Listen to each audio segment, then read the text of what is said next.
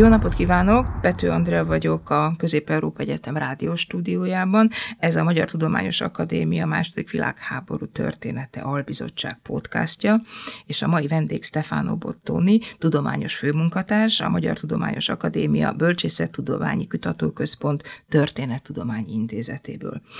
Most jelent meg a az az angol nyelvű tanulmánya Mikó Imréről, Talking to the System, Imre Mikó, A Lifelong Story of Collaboration and Service, East Central Europe nevű folyóiratban a 2017-ben, ami Mikó Imre életével foglalkozik. Mikó Imre, ugye a, nyilván a hallgató rögtön elkezdi beguglizni, egy nagyon fontos Wikipédia történet van az interneten róla, ami egy szenvedés történet. A te életrajzodból viszont egy sokkal bonyolultabb és komplexebb élettörténet az, ami kirajzolódik. Évek óta foglalkozol Mikó Imre életével, aki egy jogász volt, 1911-ben született, és 1977-ben halt meg. Ez alatt a uh, hosszú levéltári uh, munka alatt mi volt az, ami nagyon meglepett téged a Mikó Imre életével kapcsolatban? Mi volt az, amire nem számítottál? Mi az, ami egy újdonság? Hát igazán sok minden az az igazság, mert erre a kutatásra maga a család kért fel. És amikor a család átnyújtotta nekem a, a, a román állambiztonsági dossziéját, hát én nem gondoltam volna, hogy ez a dosszié nem csak azt a szenvedés történetet tartalmazza, amit nagyon sok megfigyelési dossziéból látunk, hanem a másik oldalát is ennek a történetnek, tehát a szekuritátéba való beszervezését, illetve a kötelékben történő működését, illetve az állambiztonsági szervekkel fenntartott kapcsolatát évtizedeken keresztül. És meg is kérdeztem a családot, hogy ők ezt komolyan gondolják-e, illetve hát tudatában vannak annak, hogy, hogy mi van ebben az anyagban. És fantasztikus volt a családnak a válasza, meg a hozzáállása, mert azt mondták, hogy tudjuk, és ezért kérnénk fel, hogy ezt, ha akarod, dolgozt fel. És akkor nekiálltam, ez már jó sok éve, 5-6 éve volt, és a feldolgozás még nem állt meg. Ami nagyon meglepő, volt, ugye nem csak az ő története, hanem a, a tanulmányból látszik, de majd a, hát a talán egyszer megszülető könyvből még jobban, hogy egy egész családot érintette, és az egész kapcsolatrendszerét érintette ez a nagyon komplex, nagyon bonyolult, nagyon ellentmondásos viszony a hatalomhoz. Tehát ott van például, és külön ki szeretném emelni, mert a tanulmányban nem nagyon foglalkoztam, vele nem róla szól, de a könyvben szeretnék róla egy fejezetet sokkal többet írni, Mikó Imre felesége, Kaunc Kornélia, Kaunc Cornélia nem egy akármilyen szereplő ebben a történetben, mert a 30-as évek végén a Bécsi konzuli akadémiát végezte. Az egyik osztálytársa például a későbbi osztrák elnök Kurt Waldheim volt. Tehát egy ilyen, egy ilyen társaságban járt a fiatal Cornélia, mielőtt a képviselővé vált, magyar képviselővé vált Mikó Imre felesége lett volna és házi asszony a háború, második világháború alatt, és aztán amikor Mikó Imre szovjet fogságba kerül 1944-ben, ismét kenyérkereső és anya egyben négy évig, amíg a Mikó Imre nem tér haza, és közben olyan dolgokat csinál, hogy például a kolozsvári francia konzulnak dolgozik, mint fordító és információgyűjtő 1945 és 47 között, amiről szintén tudunk, és a román rendőrség, titkos rendőrség is tudott, és később ezt az asszonyt is beszervezik. Tehát van egy fantasztikus dolog, hogy mind a két ember egyszer, nem egyszerre, külön időszak, de be van szervezve. És nem tudjuk, hogy például ezt a, ezt a titkot egymással megosztották. Azt tudjuk, hogy a beszervezésük az 50-es években úgy működött, hogy egy, akár két napig eltűntek. Tehát késő este vagy éjszaka hozták őket haza egy kihallgatás után. Tehát óhatatlanul felmerül a kérdés, hogy hát hogyan viszonyultak egymáshoz ebben a helyzetben, megkérdezték egymástól, hogy mi is történt, vagy egyszerűen, mivel fiatalok voltak, még csak 40 év körüliek, de nagyon gazdag életút állt mögöttük, ösztönösen tudták, hogy mi történt. És tudták, hogy vannak olyan dolgok, amiket nem szabad megkérdezni. Tehát vannak olyan titkok, amiket még egy nagyon jó viszonytápoló és, és nagyon bensőséges viszonyban lévő fér és feleség nem oszt meg, mert egyszerűen senki másra nem tartozik. A másik dolog, ami nagyon meglepett, az a, az a második világháború alatt, ha már egy ilyen ö, környezetben beszélünk, az albizottság munkája a kapcsán, a második világháború alatt tanúsított ö, politikai viselkedés. Ugye Mikó Imre kisebbségi ember volt, Erdélyben született, és a 30-as években mind kisebbség, aktív kisebbség ö, politikus lett ismert. Aztán 1940 és 44 között beválasztják a behívják a magyar parlamentbe, és az erdély pár főtitkár a második embere lesz, és az erdély politika egyik ilyen, egyik ilyen machinátora. Kormány támogat, és nagyon érdekes, hogy ugye kerestem, nagyon kevés információ volt arra, hogy ő konkrétan mit csinál 1940 és 44 között, azon kívül, hogy ismertük már a parlamenti felszólalásait, és természetesen nagyon kíváncsi voltam, hogy 1944-ben a vérkorszak heteiben, tehát amikor zajlik a gettósítás, a deportálás Kolozsváron, ő kolozsvári születésű és illetőségű volt, ő hogyan viselkedik, hogyan, mit csinál. És hát elég hihetetlen volt látni, hogy egyszerűen ő ezzel a dologgal nem foglalkozik. Tehát akár mint közéleti ember, akár mint aktív politikus, ez a dolog annyiban foglalkoztatja, hogy többen fordulnak hozzá, régi ismerősök, régi barátok, kérnek kivételezést, van ilyen levelezés, vannak ilyen levelek, vannak ilyen, ilyen ilyen, ilyen jelzések, és akkor eljár másokkal együtt, más képviselőtársaival együtt a magyar hadóságokhoz, tehát eljutnak a belügyminisztériumba, és ott tárgyalnak. Alig érnek el természetesen eredményt, pár tucatnyi embert sikerül kivételeztetni a, a törvények alól, de ami számomra fantasztikus volt az, hogy az az ember, aki addig olyan humanista álláspontot tanúsított kisebbségi kérdésben, és maga is kisebbségi emberként nőtt fel, tehát teljesen együtt ér, és unitáriusként ráadásul valószínűleg jobban ismerte a másságot, mint a nagy felekezetekhez tartozók, mert az unitáriusok egy nagyon különleges státust élveztek, élveztek Erdélyben, nagyon sokáig őket bántották, illetve marginalizálták, tehát egy túl baloldali, túl radikális egyháznak tartották.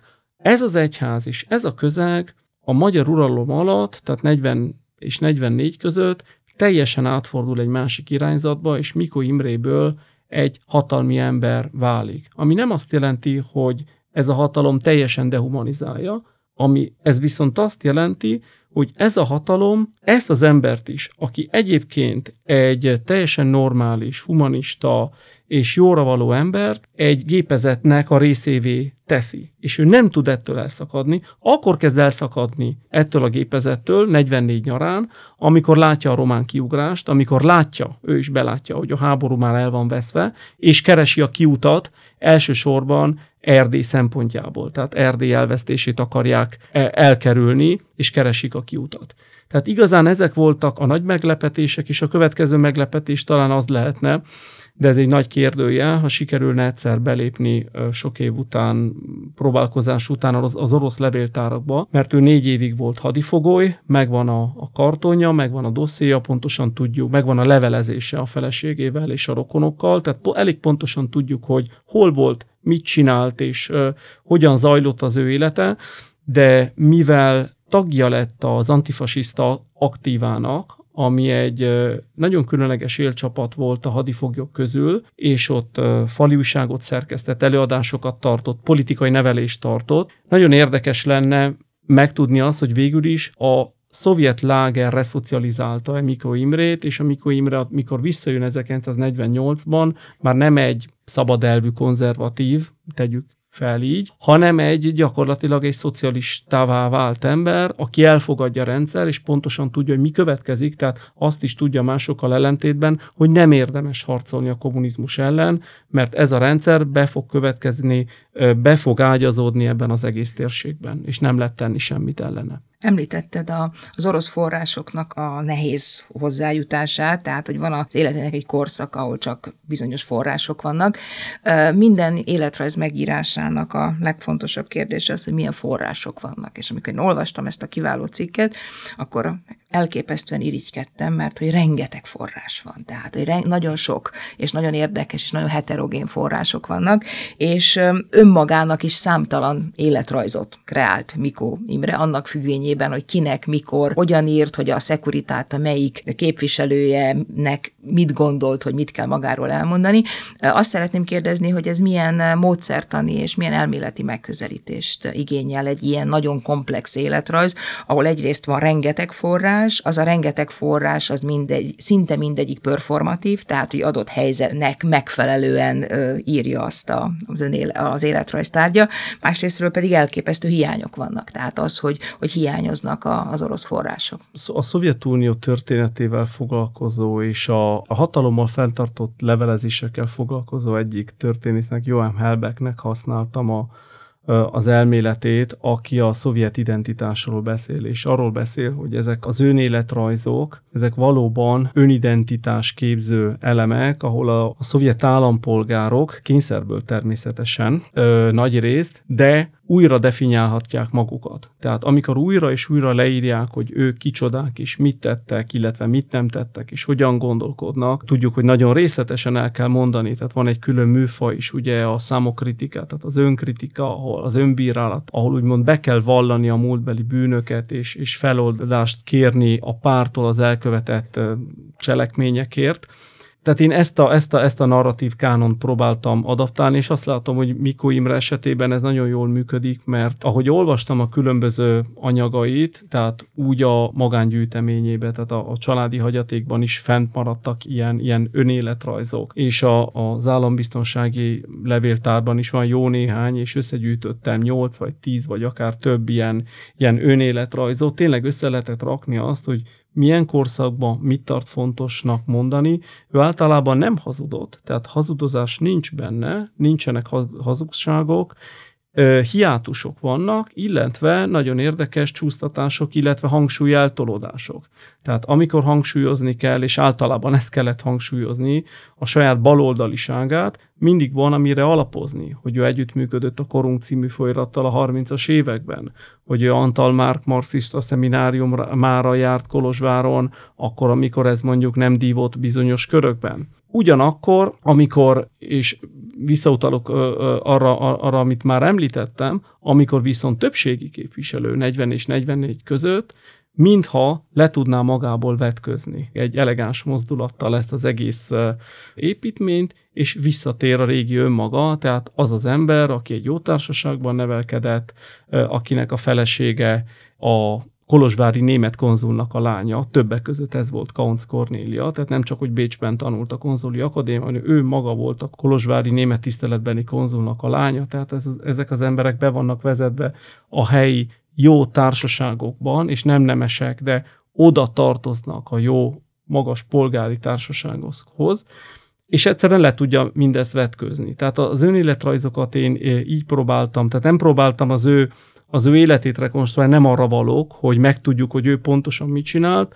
Az nagyon fontos, hogy egyrészt ő mit tart fontosnak elmondani saját magáról, másrészt, és ez mondjuk néha meglepet, hogy a hatóságok számára mennyire fontos a múlt. Tehát a múltnak a folyamatos újra tehát a újratermelése és újraírása még a 70-es években is végig kíséri az életét. Tehát amikor kiküldenek ügynököt, utána a Magyarország gyűlési könyvtárba, hogy megnézzék, hogy ő milyen beszédeket tartott 1941-42-ben a magyar parlamentben, hát kit érdekelhetett a 70-es évek elején, hogy 30 évvel ezelőtt egy olyan embernek, akinek már 25 éve semmilyen funkciója nincs, és nem is reménykedik abba, hogy valaha politikus lesz ismét belőle, kit érdekel az, hogy ő pontosan hogyan fogalmazott egy parlamenti vitán, nem? Ez is fontos, mert ez, ez viszont a hatóságok számára fontos, mert ők folyamatosan építik magukban, az ő diskurzusukban a jobboldali, kirekesztő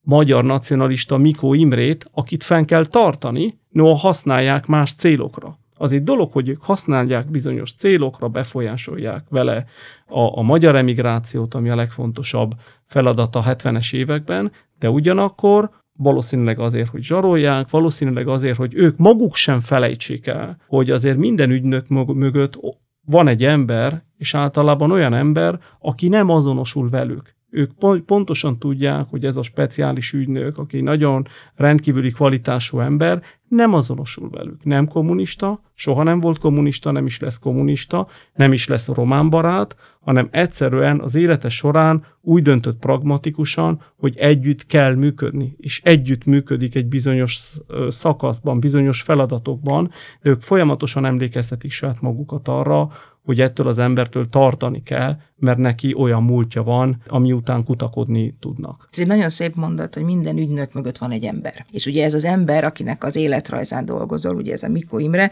vele kapcsolatban ebben a East Central Europe folyóiratban megjelent cikkben használod az együttműködés, az adaptáció, a kollaboráció és a beilleszkedés fogalmát. Tehát, hogy ez, a, ez az ember, aki az ügynök mögött volt, ez különböző módszereket használ arra, hogy, hogy életbe maradjon, és azt látjuk a közép-európai történetből, hogy mások ebbe a folyamatba belehalnak, vagy alkoholisták lesznek, ő viszont sokáig él, és egy ilyen fixerként működik ebben a, ebben a rendszerben. Tehát mi az, ami, ami a Mikó Imre számára ezt a rendkívül bonyolult, folyamatos egyeztetés, újragondolás, újraelmondás folyamatát egy lehetséges életstratégiává tette. Tehát mi az, hogy a különleges intellektusa, vagy az, hogy olyan sok nyelven beszélt, vagy mi az, ami, tehát az emberre vagyok kíváncsi, mert hogy az előző kérdésbe kikerülted a választ, és azt mondtad, hogy ez nem a feladata a, a, a történésznek, de hogyha minden ügynök mögött ott van egy ember, akkor végül is az egy, az egy kérdés, hogy te hogyan viszonyulsz ehhez a kérdéshez. Én két tényezőt látok, ami nagyon fontos. Az első talán meglepőnek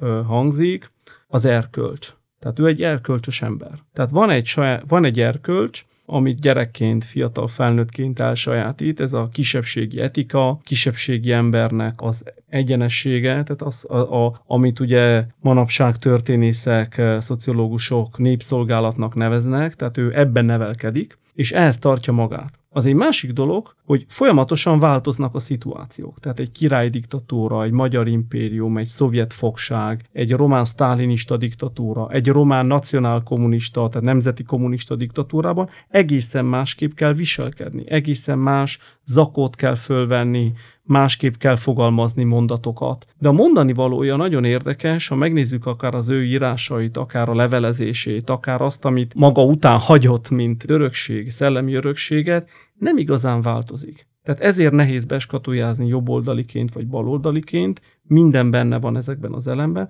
és ezt teszi ő, őt hitelessé a maga módján, és még egyszer egy paradoxon, amikor a magyar hatóságokkal, vagy éppen később a, a román hatóságokkal működik együtt, mert ez a kisebbségi embernek és a közép-európai, tehát a 20. században élő közép-európai embernek a rettenetes pragmatizmusa. Tehát van egy közösség, van egy család, van egy, vagy egy enyéniség, és akkor itt jön a második dolog, amivel, amivel ezt valamennyire magyarázni tudom, ez az ambíció, a személyes ambíció. Ami szintén paradox egy olyan helyzetben, hogy amikor ő visszajön a szovjet fogságból 48-ban, teljesen egyértelműen azt mondják neki, hogy belőled ember, és ő akkor csak 35 37 éves, belőled már nem lesz senki. Soha nem fogsz nyilvánosan sere szerepelni, soha nem leszel politikus, nem leszel jogász, nemzetiségi jogász, aztán végképp nem, felejtsd el, orosz tanár lehetsz maximum, tehát ez lehet a karriernek a csúcspontja, és ezt elfogadja. És később onnan építkezik, és onnan tornásza vissza magát a közéletbe. Tehát ezt azért a, ehhez kell egy ambíció,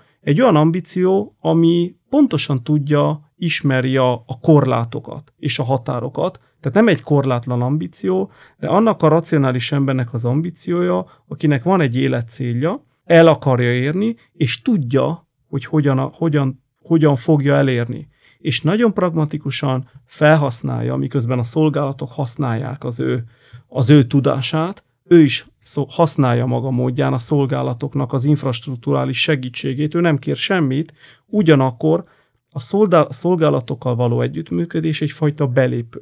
És ő ezt a belépőt kiváltja, és miután kiváltotta, jobb kártyákkal rendelkezik, mert tudja, hogy ezt a bizonytalansági tényezőt kiiktatta. Azt is tudhatta, gondolom, hogy van ennek egy ára, és ő ezt az árat megfizeti. Hogy, hogy, hogy belsőleg mit gondol erről, sajnos nem tudjuk. Tehát naplót nem írt, a levelezésében nagyon ritkán, tehát ő egy nagyon tárgyszerű ember volt, egy ilyen igazi régi módi tudós, tehát igazán érzelmi kitörései nagyon ritkán voltak, tehát azt pontosan nem tudjuk, hogy, hogy a hálószobában vagy a konyhában hogyan, hogyan, hogyan nyilatkozik bizonyos traumatikus kérdésekről, de azt látjuk, hogy az ő számára ez a történet bármilyen hihetetlen, és ezért is kezdtem ezzel foglalkozni, mert ezt akartam megérteni, a maga módján kerek. Tehát ezzel magyarázott, hogy nem lett se alkoholista, se öngyilkos, hanem tulajdonképpen uh, lubickolt ebben a helyzetben. A tartás, tehát van egy tartása, és ezt, ezt láttam másokban is, miközben hát Erdélyben is más, máshol is rengeteg ellenek a ellenpéldája. Tehát azok az emberek, akik nem bírják a nyomást, ha visszautasítanak egy ilyen ajánlatot, ha elfogadják, akkor azért nem bírják ezt a lelki nyomást, és elsüllyednek. Ő nem süllyed, mert tud építkezni részben a múltból, tehát ő folyamatosan úgy vállalja a 44 előtti múltját, hogy közben kiretusálja. Tehát ez egy fantasztikus önazonosságépítési technika, neki nem kell megtagadni az egész önazonosságát, ki kell retusálni okosan bizonyos kérdéseket, ki kell emelni másokat, és folyamatosan előtérbe kell küldeni azokat az emberek, akik jókat tudnak róla nyilatkozni, és le kell nyomni azokat, akiknek esetleg kellemetlen ö, emlékei vannak. Tehát ez egy nagyon komplex dolog, de azt eredményezi, hogy ő ezt az egész életművet az 50-es, 60-as, 70-es években hitelesen és lényegében presztízs veszteség nélkül tudja megcsinálni, sőt, ezzel építeni azt a mártíromságot, nem ő építeni, mások építik helyette, hogy az az ember, aki nagyon sokat szenvedett, építik azt a mártíromságot, amivel aztán bevonul az erdélyi kánonba, mint az az ember, akit igazságtalanul meghurcoltak, és aki lámlám azért vissza tudott kapaszkodni. Tehát végül is a történelemben akkor neki volt igaza ebből a szempontból, mert hogy, hogyha megnézzük azt a Wikipédia cikket, és összehasonlítjuk a te cikkeddel, azért az két különböző világ, és nagyon sokan olvassák azt a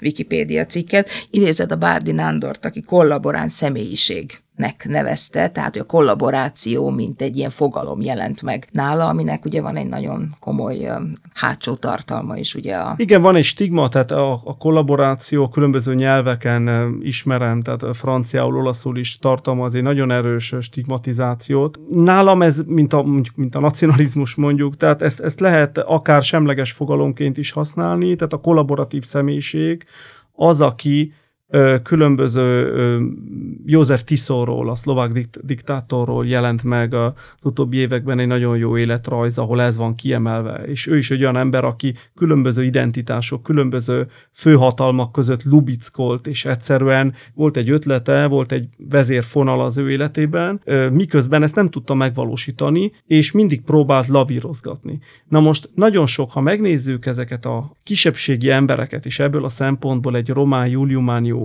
ö, ö, hasonló pályát ö, tudhatna maga után, ha jobban megnézzük. Nagyon sok olyan helyzet van, amikor ezek az emberek önmagukat nem tudják maradéktalanul megvalósítani, mert közbe szól egy háború, egy területvesztés, egy határmódosítás, valami társadalmi katasztrófa, amitől az egész építmény összeomlik, és nulláról kell kezdeni. Itt akkor az a kérdés, hogy hogyan szedje össze magát az ember, és Mikó Imre többször kell, hogy összeszedje magát, és építse tovább a saját karrierét, illetve a saját gondolatait. Tehát ebből a szempontból nagyon tanulságos volt, mert miközben egy életrajzot szeretnék írni alapvetően, de rá kellett jönnem, hogy itt igazán az a probléma, amiről beszélek, sokkal általánosabb. Befejezésül az utolsó kérdés az, hogy, hogy mi a, mik a tervek. Tehát nyilvánvaló, hogy ezt az életrajzot meg kell írni. Mik azok, a, amik akadályoznak téged abban, hogy ezt a munkát befejezd, mert hogy láthatóan azért itt nagyon komoly érzelmi és intellektuális munka ebbe már bele van fektetve. Hát van egy időtényező, illetve egy energiatényező, tehát ahhoz, hogy én be tudjam fejezni ezt a könyvet, egy jó néhány hónapos nyugalmi időszak kellene, amikor csak erre tudok koncentrálni, és az utóbbi években erre nem került sor. A második dolog, ami rettenetesen bosszant, ez a már említett orosz levéltári források kérdése. Az első e-mailt ezzel kapcsolatosan azt hiszem négy és fél éve írtam a, moszkvai magyar levéltári delegátusnak. Most már a második magyar levéltári delegátussal próbálkozunk, Kostricannával próbálkozunk ebben a kérdésben. Eszméletlenül nehéz, azt kell mondjam. Nem akarom feladni, de azt gondolom, hogy ez az év az utolsó. Tehát ha mondjuk szeptemberig nem jön semmilyen megnyugtató válasz, ami nem azt jelenti, hogy nem válaszolnak a, a, a levelekre, mindig válaszolnak, de mindig van valami probléma, mindig hiányzik valami anyag, és egyszerűen én, aki nem tud oroszul, nem vagyok abban a helyzetben, hogy oda menjek, és egyenlő félként tudjak tárgyalni. Tehát én is rá vagyok utalva a levéldári delegátusoknak a kapcsolatrendszerére, vagy egyszerűen a szerencsére, szerencsére, hogy találnak valamit, és átnyújtják nekem, amit tudok használni. Tehát én rettenetesen kíváncsi lennék, mert tudom, hogy milyen kincsek lehetnek. Születtek Olaszországban már olyan feldolgozások a, a szovjet börtönvilágról, illetve a beszervezésekről, illetve a politikailag aktív foglyokról, amelyek támpont szolgálhatnak, és én úgy gondolom, hogy Mikó Imre életében az a négy év,